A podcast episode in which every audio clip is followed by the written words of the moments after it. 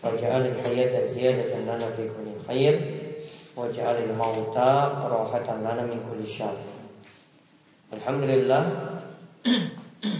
Para jamaah Bapak-bapak yang terus selalu dirahmati dan diberkahi Allah Subhanahu wa taala.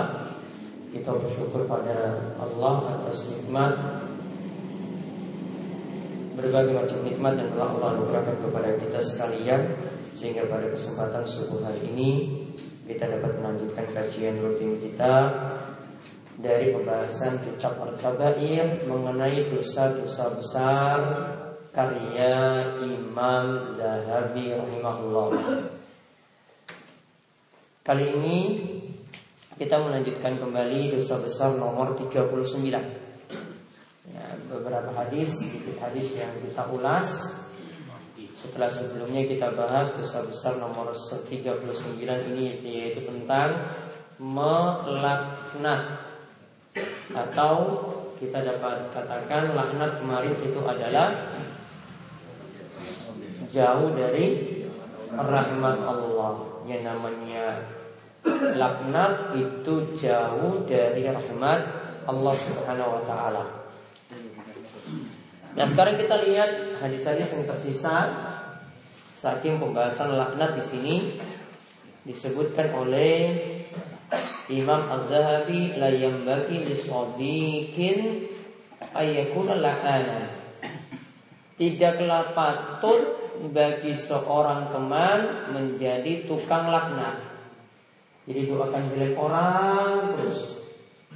Dia mendoakan jelek orang supaya jauh dari rahmat Allah. Ini la'anan ini adalah sifat orangnya yang suka doakan jelek orang lain.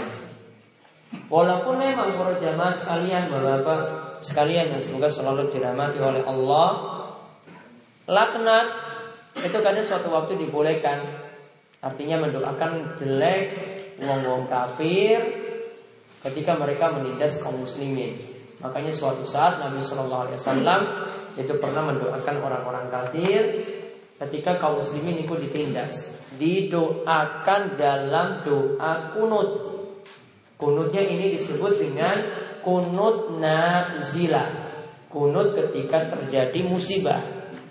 Ya, kunut ini dikatakan kunut nazila yaitu ketika terjadi musibah. Ketika pemimpin atau pemerintah atau penguasa itu memerintahkan supaya setiap imam imam masjid itu berdoa seperti ini terutama untuk sholat subuh, sholat subuh maghrib dan nisa. Ya subuh maghrib dan nisa sholat sholat jahriyah.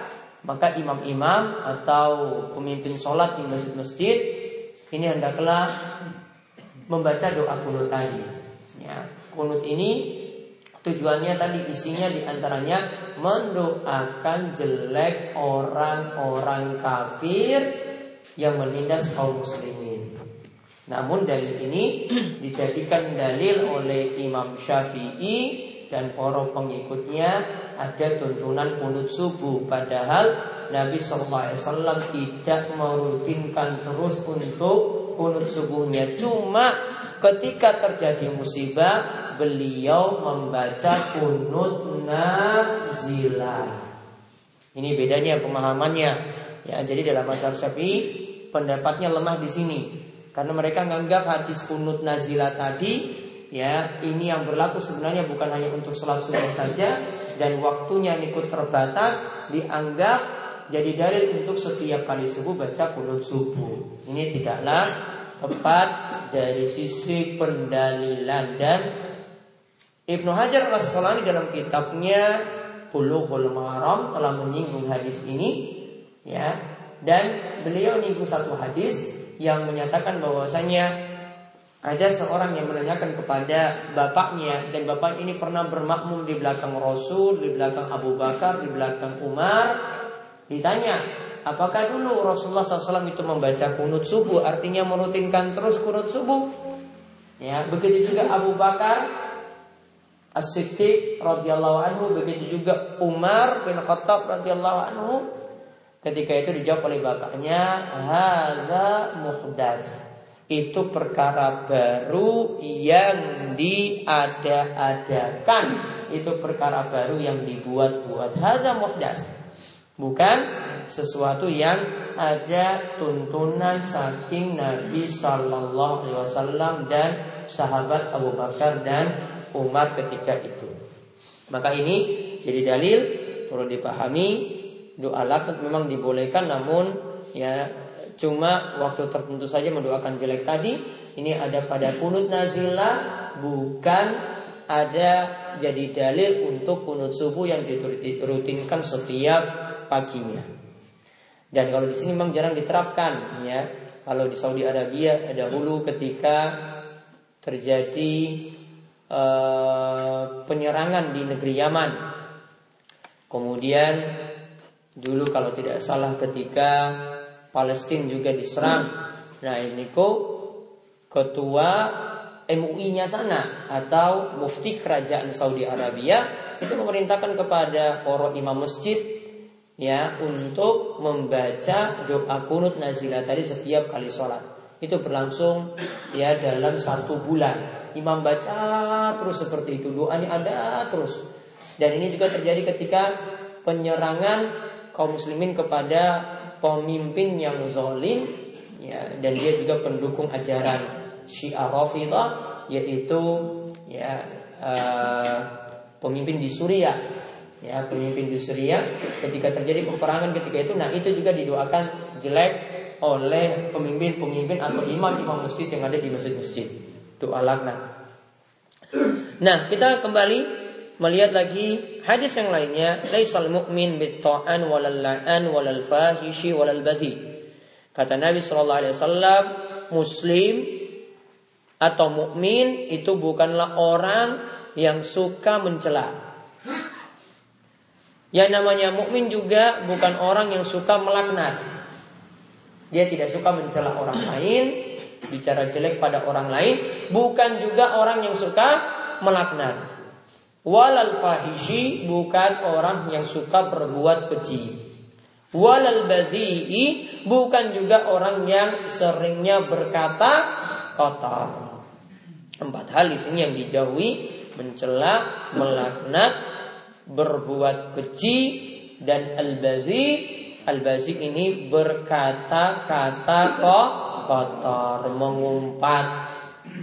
Ini bukan sifat wong mukmin, bukan sifat orang beriman. Maka orang beriman itu tidak ada keluar kata-kata yang dari kebun binatang itu keluar itu tidak ada wong mukmin seperti itu. Tidak ada kata-kata kasar. Orang mukmin sejatinya itu lepas dari kata-kata kotor semacam tadi. Kemudian hadis yang berikutnya menceritakan tentang bagaimana doa jelek atau doa laknat itu bisa kembali kepada orang yang mendoakan. Ya, doa jelek tadi atau doa laknat bisa kembali kepada orang yang mendoakan. Coba perhatikan hadisnya yang di bawah. Innal abda idzala ana syai'an. Jika seorang hamba itu melaknat. So'idatil laknatu sama. Maka doa laknat ini naik ke langit. Fatughlaqu abwabus sama dunaha. Maka nanti pintu-pintu langit di bawahnya maka uh, ketika itu akan naik naik ke langit, langit maka pintu-pintu langit itu ditutup di hadapannya. Karena ini doa jelek, pintu langit tidak mau terima. Asalnya kan doa-doa kita itu kalau diterima kan pintu langit terbuka. Ya, doa kita nanti akan dikabulkan. Namun ketika itu pintu langit ter tutup. Kemudian laknat tadi kembali turun ke bumi, kan pintu tertutup, mantul lagi ke bumi. Ya, dan pintu-pintunya itu pun ditutup di hadapannya. Pintu-pintu bumi pun ditutup lagi. Lalu itu terpantul lagi ke arah kanan, ke arah kiri. Dan ketika ia tidak menemukan jalan lagi, maka akan kembali kepada orang yang dilaknat. Nah, ini kan yang doakan jelek, dia doakan kepada si A.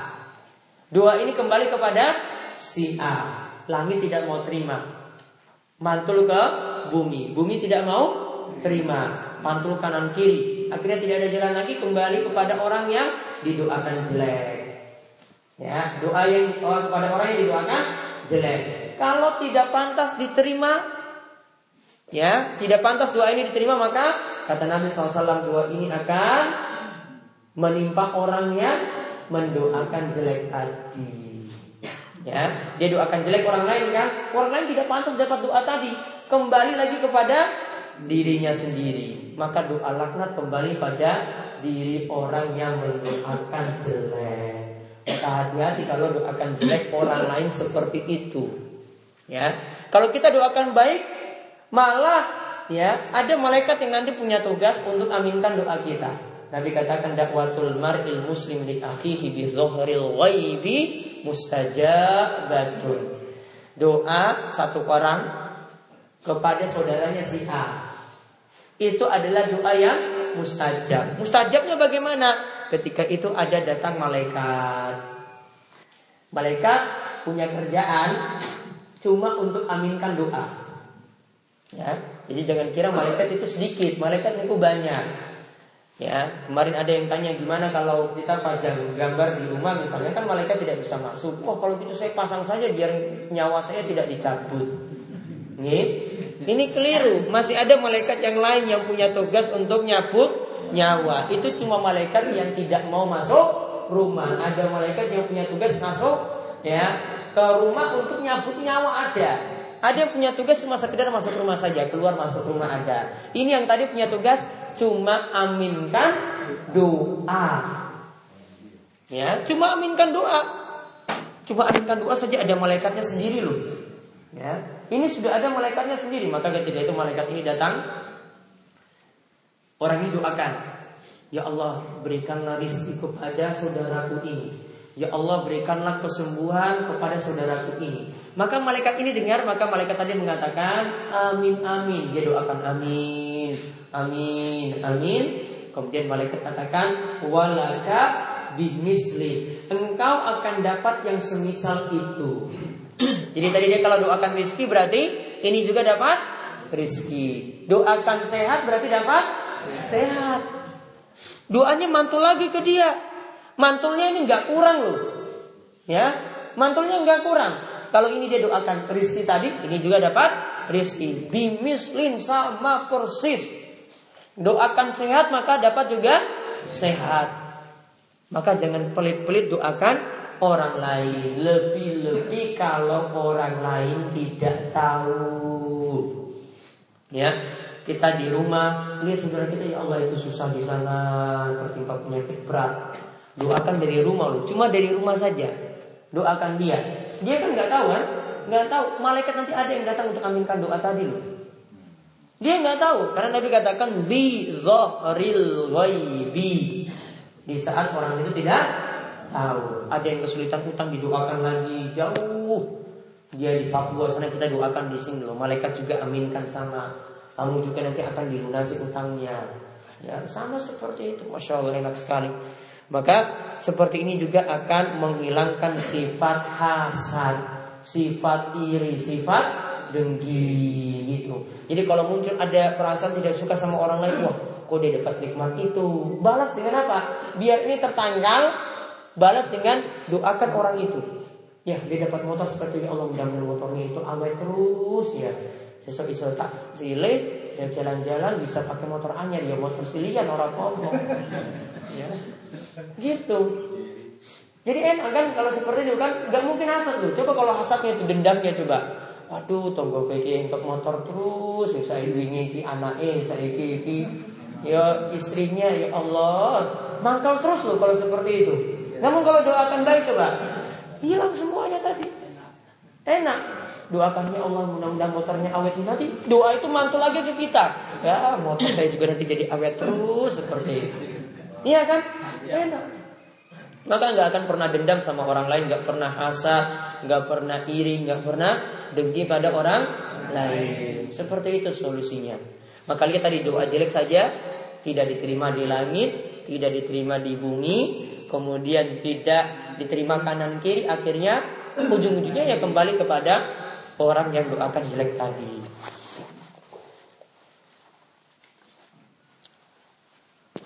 Kemudian hadis berikutnya. Ini tentang doa jelek juga pada binatang. Hati-hati juga. Ya sapi ini yang ngamuk-ngamuk didoakan jelek juga. Ya. Sapi goblok ya ditambah doa-doa jelek untuk ini. Ya. Coba lihat di sini. Nabi SAW pernah mengukur seorang perempuan yang ketika itu melaknat, mendoakan jelek pada unta. Untanya didoakan jelek coba. Kurang kerja unta nggak punya beban apa-apa kok didoakan jelek juga. Maka ketika dia doa, dia memerintahkannya untuk melepaskannya. Ceritanya seperti ini. Imran bin Husain mengatakan, suatu kali Rasulullah SAW tengah berjalan di suatu safar beliau. Seorang perempuan dari kaum Ansor, untanya itu gelisah. Yang untanya ketika itu lagi gelisah. Yang dimaksudkan di sini uh, fadojirat, fadojirat, ini gelisah. Untanya ketika itu gelisah, maka perempuan itu doakan jelek unta tadi. Maka unta tadi didoakan jelek oleh perempuan tadi. Didoakan laknat. Ya untanya didoakan laknat. Dan itu didengar oleh Rasulullah SAW maka beliau bersabda khudhu ma'alaiha wada'uha fa innaha mal'unatun. Ambillah sesuatu yang ada di atasnya dan biarkan dan lepaskanlah dia karena ia itu dilaknat. Karena didoakan jelek, untanya juga jadi jelek ketika itu.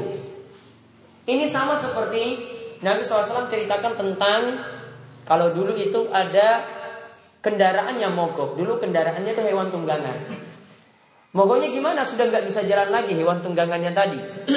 Maka Nabi SAW ingatkan jangan salahkan setan atau jangan ketika itu nyebut-nyebut setan. Namun ucapkanlah apa? Kalau kendaraan memogok, ucapkanlah Bismillah. Ucapkanlah Bismillah. Jangan bawa-bawa setan ke situ. Setan nggak salah apa-apa. Ya, setan ketika tidak salah apa-apa, maka sebutlah apa ketika kendaraan mogok kata Nabi, sebutlah Bismillah. Ya, Bismillah nanti Insya Allah dengan izin Allah tadi kendaraannya bisa lancar. Ya, jadi jangan doakan jelek lagi ketika itu. Namun yang didoakan adalah baca Bismillah. Ini salah satu kiat lagi biar kita tidak mudah doakan jelek pada sesuatu. Kemudian Imran itu mengatakan faka'anni anzuru ilaiha al-an tamshi fin nasi ma ya'ridu laha ahadun. Seakan-akan aku melihat kepada unta tadi sekarang ia berjalan di tengah-tengah orang seakan-akan tidak ada yang peduli lagi kepada unta tadi. Dibiarkan berkeliaran begitu saja.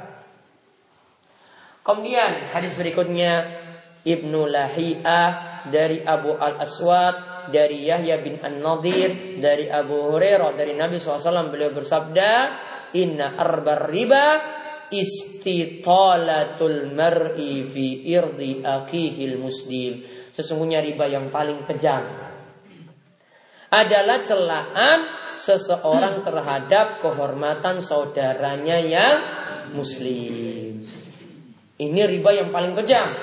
Jadi di sini Nabi SAW bukan katakan riba yang kita anggap dalam utang utang misalnya. Namun yang di sini Nabi SAW anggap kalau orang muslim mencela kehormatan saudaranya ini riba yang paling parah. Nah, itu tadi beberapa hadis yang membicarakan tentang masalah laknat. Doa jelek, doa supaya dijauhkan dari rahmat Allah ini jangan sampai terucap kepada sesama muslim atau orang lain. Nah sekarang kita lihat bab yang baru. Ini tentang masalah sifat khianat. Ini tentang masalah sifat khianat. Yaitu al-kabir al-arba'un. Dosa besar nomor 40. Yaitu judulnya dibawakan oleh Imam Zahabi al-ghadiru bi amirihi wa ghairu dzalik. Yaitu sifat hianat pada pemimpin dan selainnya. Jadi mengkhianati pemimpin dan juga orang-orang yang telah beri amanat pada dirinya atau telah buat janji dengannya. Khianat di sini, ya khianat pada pemimpin ini maksudnya. Lihat, bisa ditulis atau dicatat penting. Khianat pada pemimpin atau diistilahkan dengan ghadir.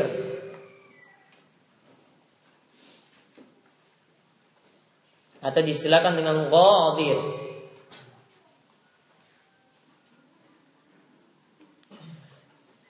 Yang dimaksud adalah naqdul ahdi wa tarkul wafai. Membatalkan janji dan tidak mau memenuhi janji.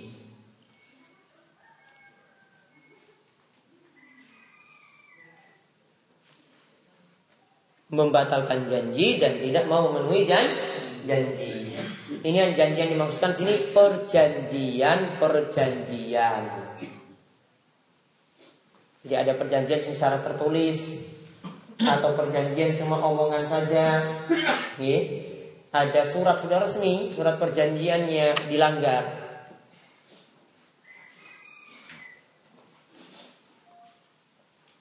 Contohnya misalnya Contohnya dalam perjanjian mengurus harta anak yatim.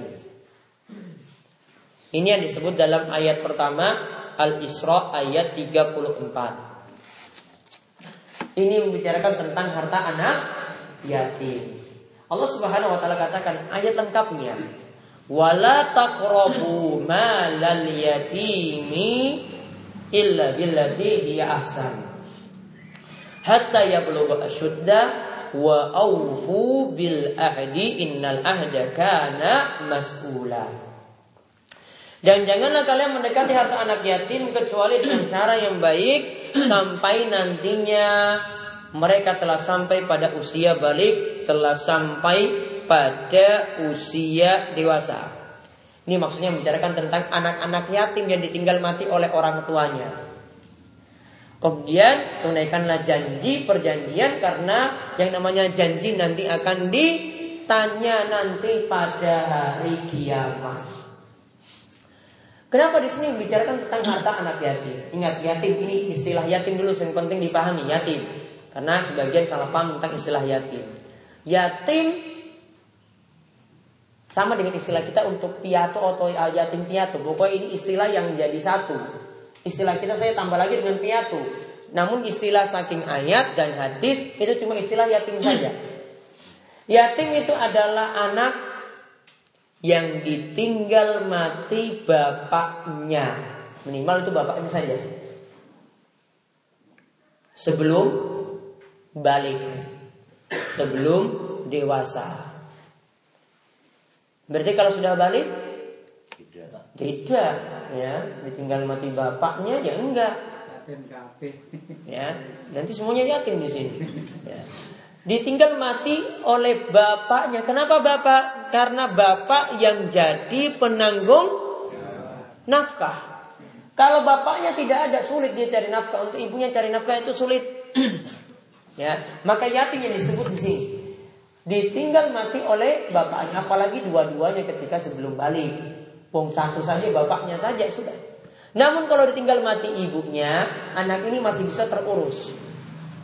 Ya, masih bisa terurus artinya entah di situ bapaknya hidup sendiri atau entah cari istri istri baru lagi.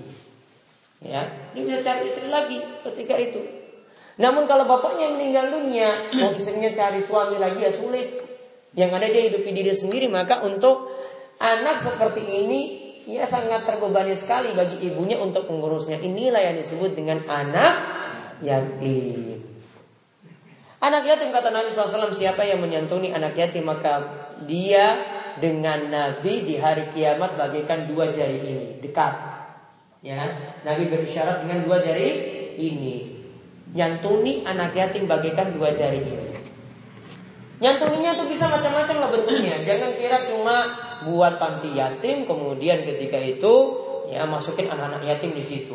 Bahkan sekarang perlu dipahami panti-panti yatim yang ada sebagiannya saya tidak katakan semua itu cuma kedok saja biar yang punya panti itu dapat penghasilan.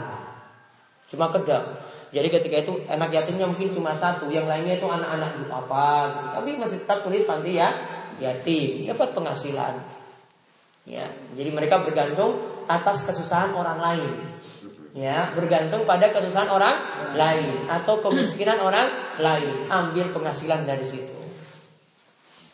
Bentuknya memang bisa seperti itu, namun bentuk yang lainnya Ya, anak yatim ketika misalnya dia butuh sekolah, masukin dia di pondok, kemudian dibiayai. Tanpa suruh dia tinggal di rumah kita. Itu sudah dikatakan menyantuni anak yatim. Maka akan dekat dengan Nabi SAW seperti ini nanti pada hari kiamat. Bentuknya lagi bisa.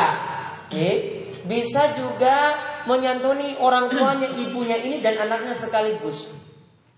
Ya, menyantuni ibunya dan anaknya sekaligus ibunya jadi janda. Ada hadis yang katakan keutamaan dan juga menyantuni janda dan juga keutamaan menyantuni anak yatim sekaligus. Atau yang lebih daripada itu dan ini yang dilakukan oleh Nabi SAW beliau nikahi para janda. Nikahi para janda. Keutamaannya dapat double ketiga itu. Bisa nyantuni janda dan juga bisa nyantuni anaknya yang telah jadi yatim. Maka ini ada keutamaan menikahi para janda. Itu menikahi para janda itu keutamaannya. Ya, jadi yang belum nikah bisa nikahi para janda. Ini misalnya ini. Ya sudah ada ya sudah nggak usah cari-cari masalah. Cari rodo-rodo senom malah. Pokoknya nggak usah cari madu palsu, madu asli saja, madu asli yang diminum, nggak usah madu-madu palsu ya. Kalau cari madu istri nanti aduh aja, yang ada piring-piring rusak, ya kan, pintu bisa rusak. Gak, gak siap itu orang Indonesia tuh nggak siap seperti itu. Jangan cari masalah. Coba lihat dai-dai yang cari masalah seperti itu hancur kan? Iya. Jangan cari masalah. Sudah cukup satu saja Pak Pardo ya? Iya. Iya. Baik.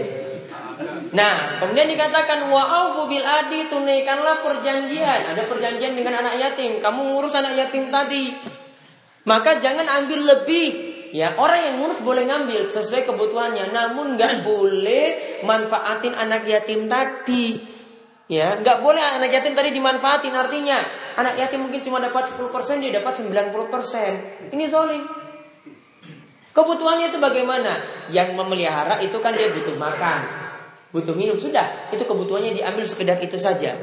Bahkan lebih bagus jangan dia bergantung pada pemberian pada anak yatim cari sendiri.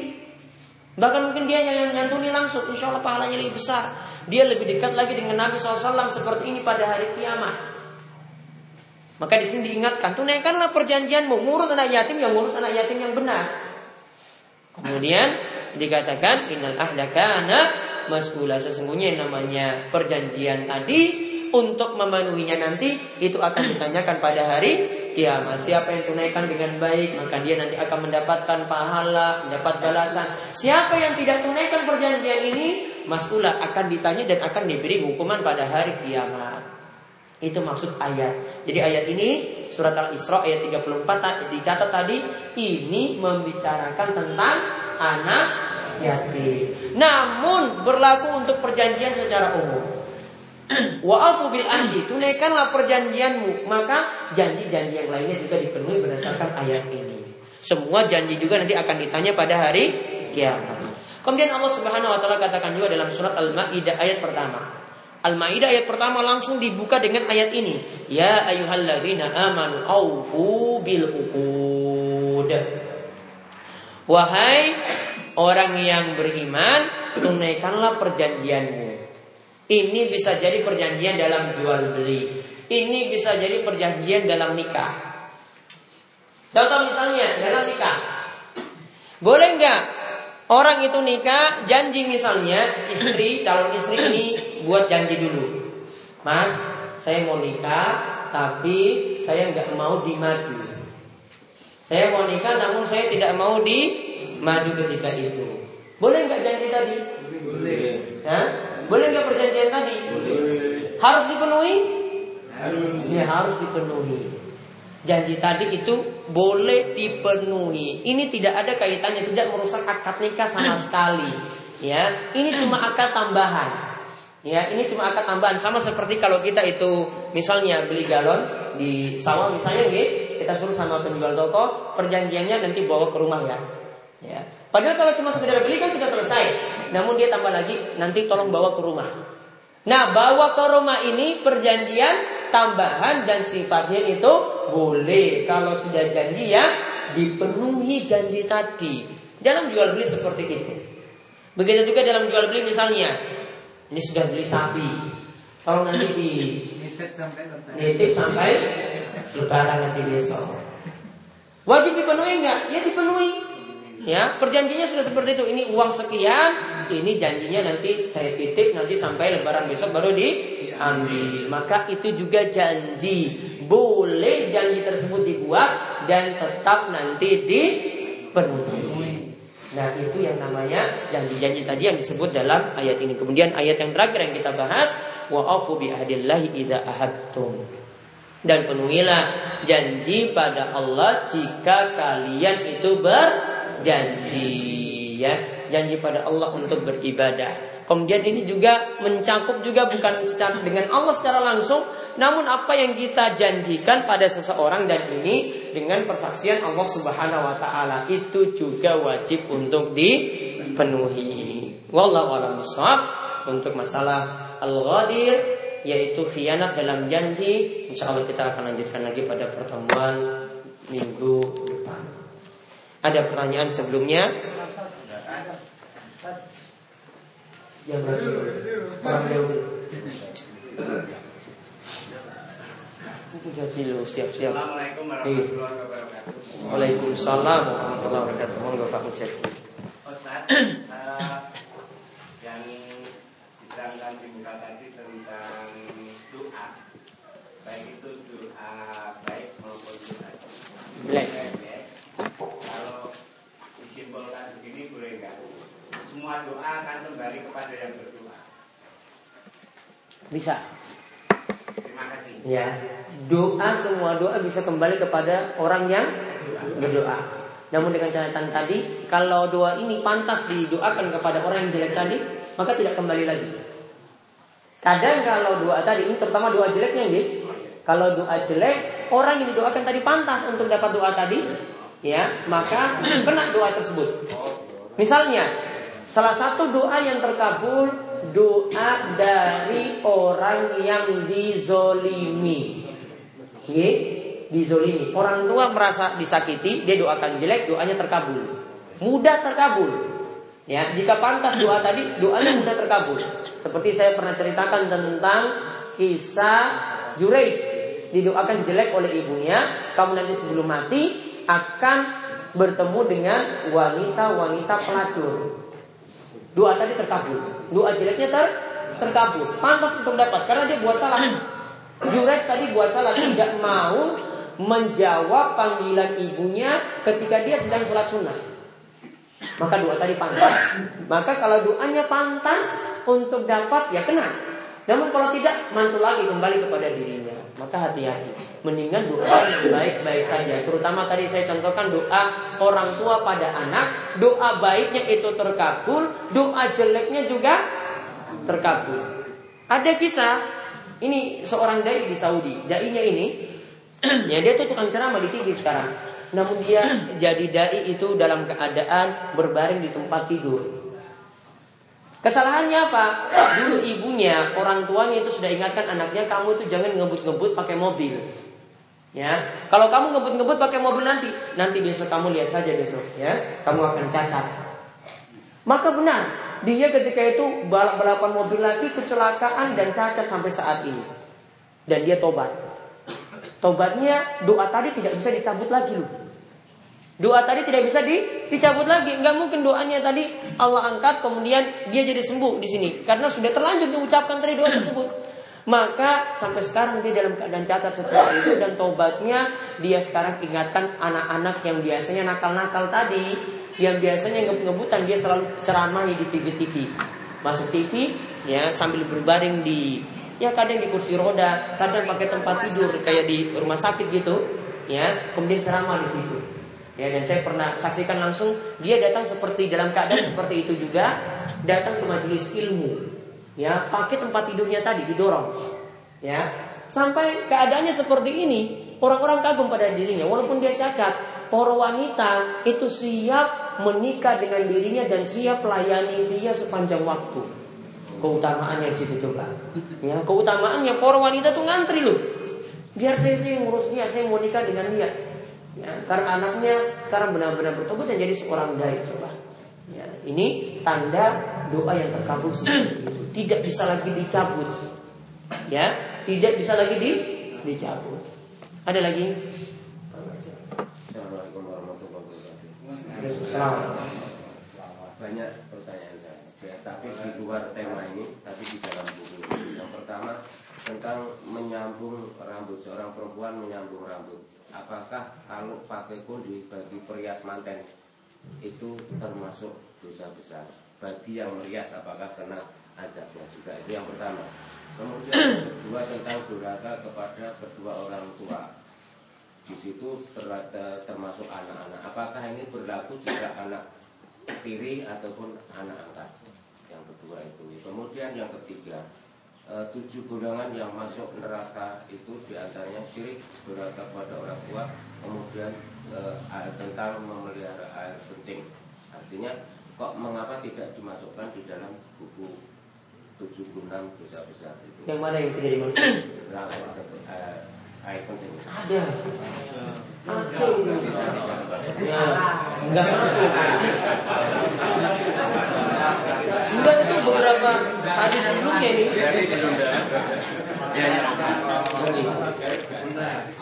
Ada ada. Awal-awal itu sudah lewat.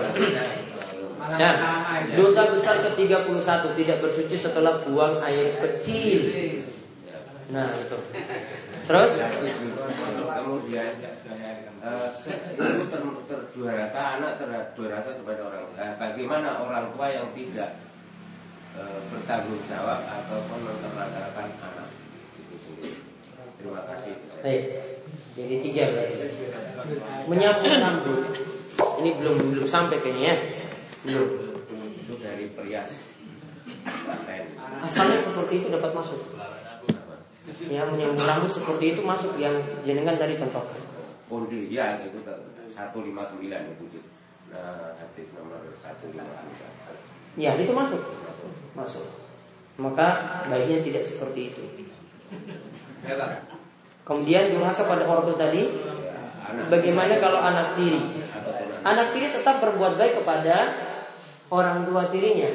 Ya, walaupun di sini bukan orang tua kandungnya, misalnya orang tuanya nikah lagi punya bapak tiri atau ibu tiri tetap berbuat baik. Ada insan di situ berbuat baik. Namun kalau yang dimaksudkan dengan taat, dia berbakti pada orang tua yang dimaksudkan adalah orang tua kandung.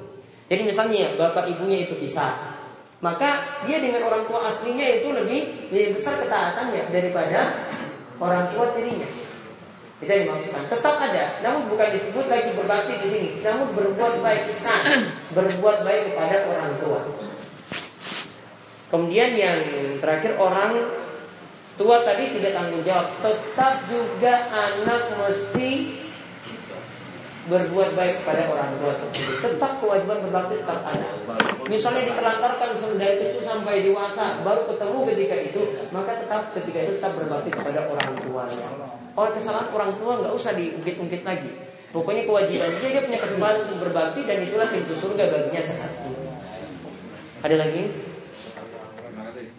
Saya mau tanya tentang ini Pak. Eh, di daerah saya itu ada orang yang saking bencinya tentang eh, Muslim itu sampai-sampai menamakan anjingnya itu dinamakan musafir gitu.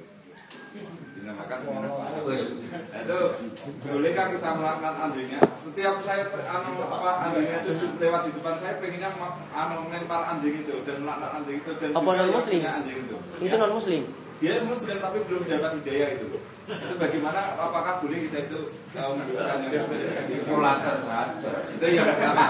Yang kedua uh, tentang permusuhan, permusuhan sesama muslim, terus uh, atau permusuhan di uh, muslim yang di situ itu anu uh, niatnya itu sama-sama untuk karena Allah SWT Misalkan di antara satu negara dan satu negara, negara yang lain Irak dan Iran waktu dulu Di manakah uh, manakah yang harus uh, kita bela di antara salah satu uh, apa itu Muslim itu.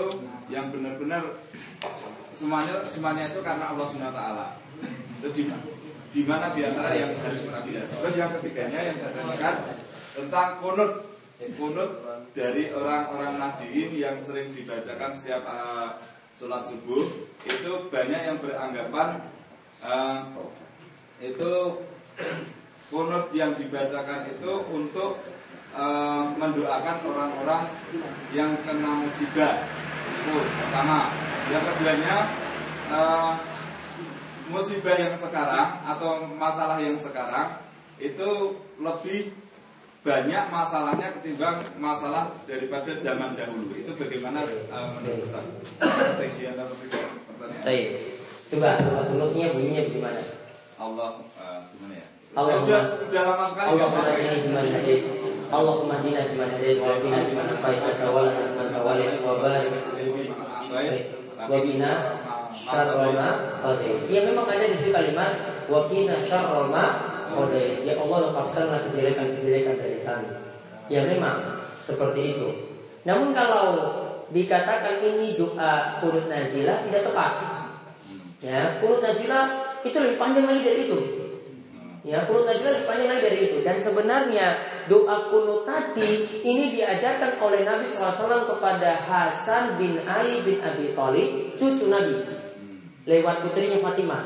Ya, ini diajarkan Nabi katakan kepada Hasan, kamu nanti kalau mau sholat witir, ya, bacalah doa kunut ini. Jadi itu doa kunut witir. Maka kalau mau cari doa kunut subuh, baiknya cari sendiri doanya. Itu doa kunut witir. Nanti lihat riwayatnya seperti itu sebutkan. Maka kalau mau plek dengan hadis, maka itu cuma doa kunut witir, kunut subuh. Ya pokoknya kamu cari-cari sendiri lah doa kunut subuh seperti apa. Ya, jadi itu bukan. Nah, kemudian yang saya perlu ngetes juga kepada Syafi'i coba. Kenapa ketika uh, wakina syarra. Terus setelah itu baca doanya diam kan? Iya betul. Ya, fa inna katak di wala yubdu alaihi wa innahu la yadhillu man walait wa la yuzil man alaihi tabarak rabbana wa ta'ala. Kenapa kalian diam di situ? Tahu nggak alasannya? Nah, yang Syafi'i tahu nggak alasannya? Kenapa diam di situ? Dia baca sambil lirik kan suaranya. Kenapa lirik di situ? Syafi'i itu nggak paham. Ya, Imam Nawawi yang jelaskan. Imam Nawawi katakan di bagian itu mulai dari bagian itu sampai terakhir itu bukan doa. Itu bagian puji-pujian pada Allah. Sehingga kalau itu bagian puji-pujian pada Allah kita tidak perlu amin-aminkan. Ya, yang cukup diamin-aminkan itu cuma pada bagian doa itu tidak ada yang tahu dari kalangan Syafi'i. Ya, maksudnya Syafi'i di tanah air ini tidak ada yang tahu. Maka diamnya di situ benar. Ya, namun sebenarnya kunutnya itu kunut apa? Kunut witir yang dibaca itu kunut witir. Itu intinya. Yang setiap subuh itu seharusnya tidak ada. Iya. Tidak ada. Yang seperti saya contohkan tadi, yang anak tanya sama bapaknya, kamu di belakang Rasul seperti ini enggak, di belakang Umar seperti ini enggak, di belakang Umar seperti ini enggak. Dijawab semuanya tidak, itu semuanya mudah. Itu semuanya dibuat-buat saja, enggak seperti itu. Yang ada kunut nazilah, namun berlaku pada sholat subuh, maghrib, nisa. Harusnya tiga sholat tadi baca kunut terus.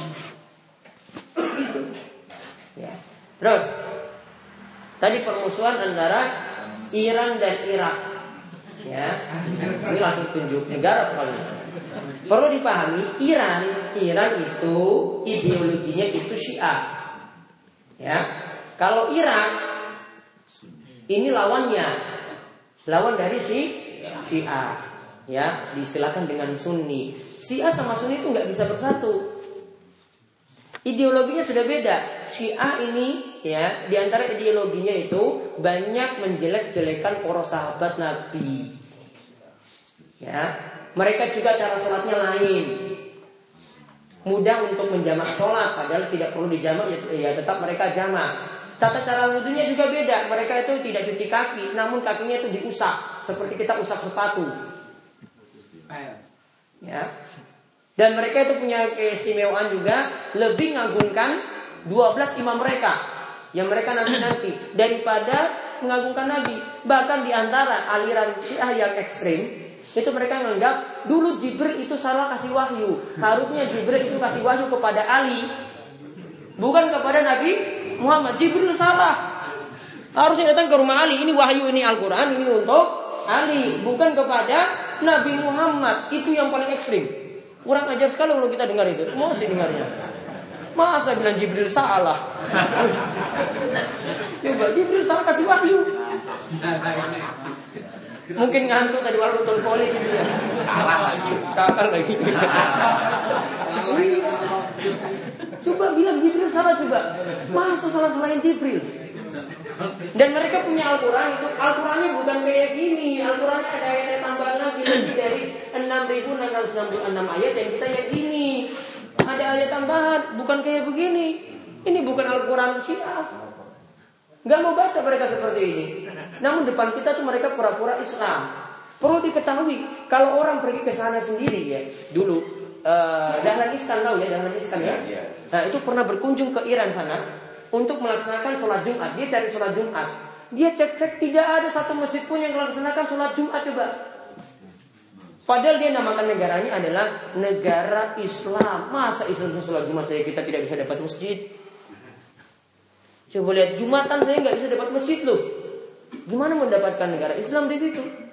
Kita kalau di sini mau cari sholat Jumat gampang. Di sana yang sebutnya negara Islam tidak dapat sholat Jumat. Dalam Islam cerita sendiri seperti itu coba.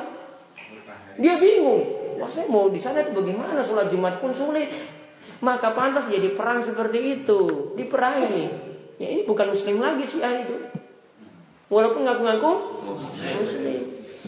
Lebih bahaya mereka itu. Jadi mereka itu bagaikan orang-orang munafik di tubuh kaum muslimin. Pura-pura ngaku Islam. Cuma ingin menghancurkan Islam saja. Itu sudah ingin merusak Islam itu. Maka pantas ada permusuhan. Permusuhannya jelas. Sama juga dengan yang terjadi di Suriah saat ini. Pemimpinnya itu, ya, siapa namanya pemimpinnya? Hah? Asad ya. Itu dengan golongan lain yang ada di negara yang sama, pemimpinnya itu si A. Makanya yang rakyatnya yang Sunni tadi memberontak kepada pemimpinnya itu suruh turunkan, gulingkan. Itu permusuhannya terjadi hakikatnya seperti itu wajar karena itu orang yang jelek-jelekan Islam. Ya. Kemudian bagaimana tadi untuk anjing tadi yang namanya musafir? Ya. Untuk anjing tadinya saya kan enggak ya kalau mau saya suruh racuni ya kasihan. Biarin. Sudah biarin saja sabar-sabar saja lah. Sabar-sabar saja. Saya sudah biasa ada anjing-anjing seperti ini juga. Dulu di sana itu sampai saya mau pergi sholat subuh itu dikejar anjing juga sama. Karena tinggal di lingkungan non muslim sih. Maka ketika mau keluar saja bertemu berhadapan dengan anjing-anjing coba. Berhadapan dengan anjing-anjing. Sudah sabar-sabar saja lah. Gimana mau racun juga ya. Buat masalah nantinya ya kan. Ya. Kalau di sana itu kalau di Papua itu orang nabrak anjing itu lebih mahal daripada nabrak manusia. Nabrak anjing, nabrak anjing itu tuntutannya itu jutaan, puluhan juta rupiah. Cari masalah dengan anjing bisa seperti itu loh. Kalau manusia dia nggak akan seperti itu dia berani bunuh manusia daripada bunuh anjing. Ya. Jadi terlalu bunga-bunga terlalu berlebihan terhadap anjing tadi. Ada lagi? Ini. Akhir ya. Waalaikumsalam.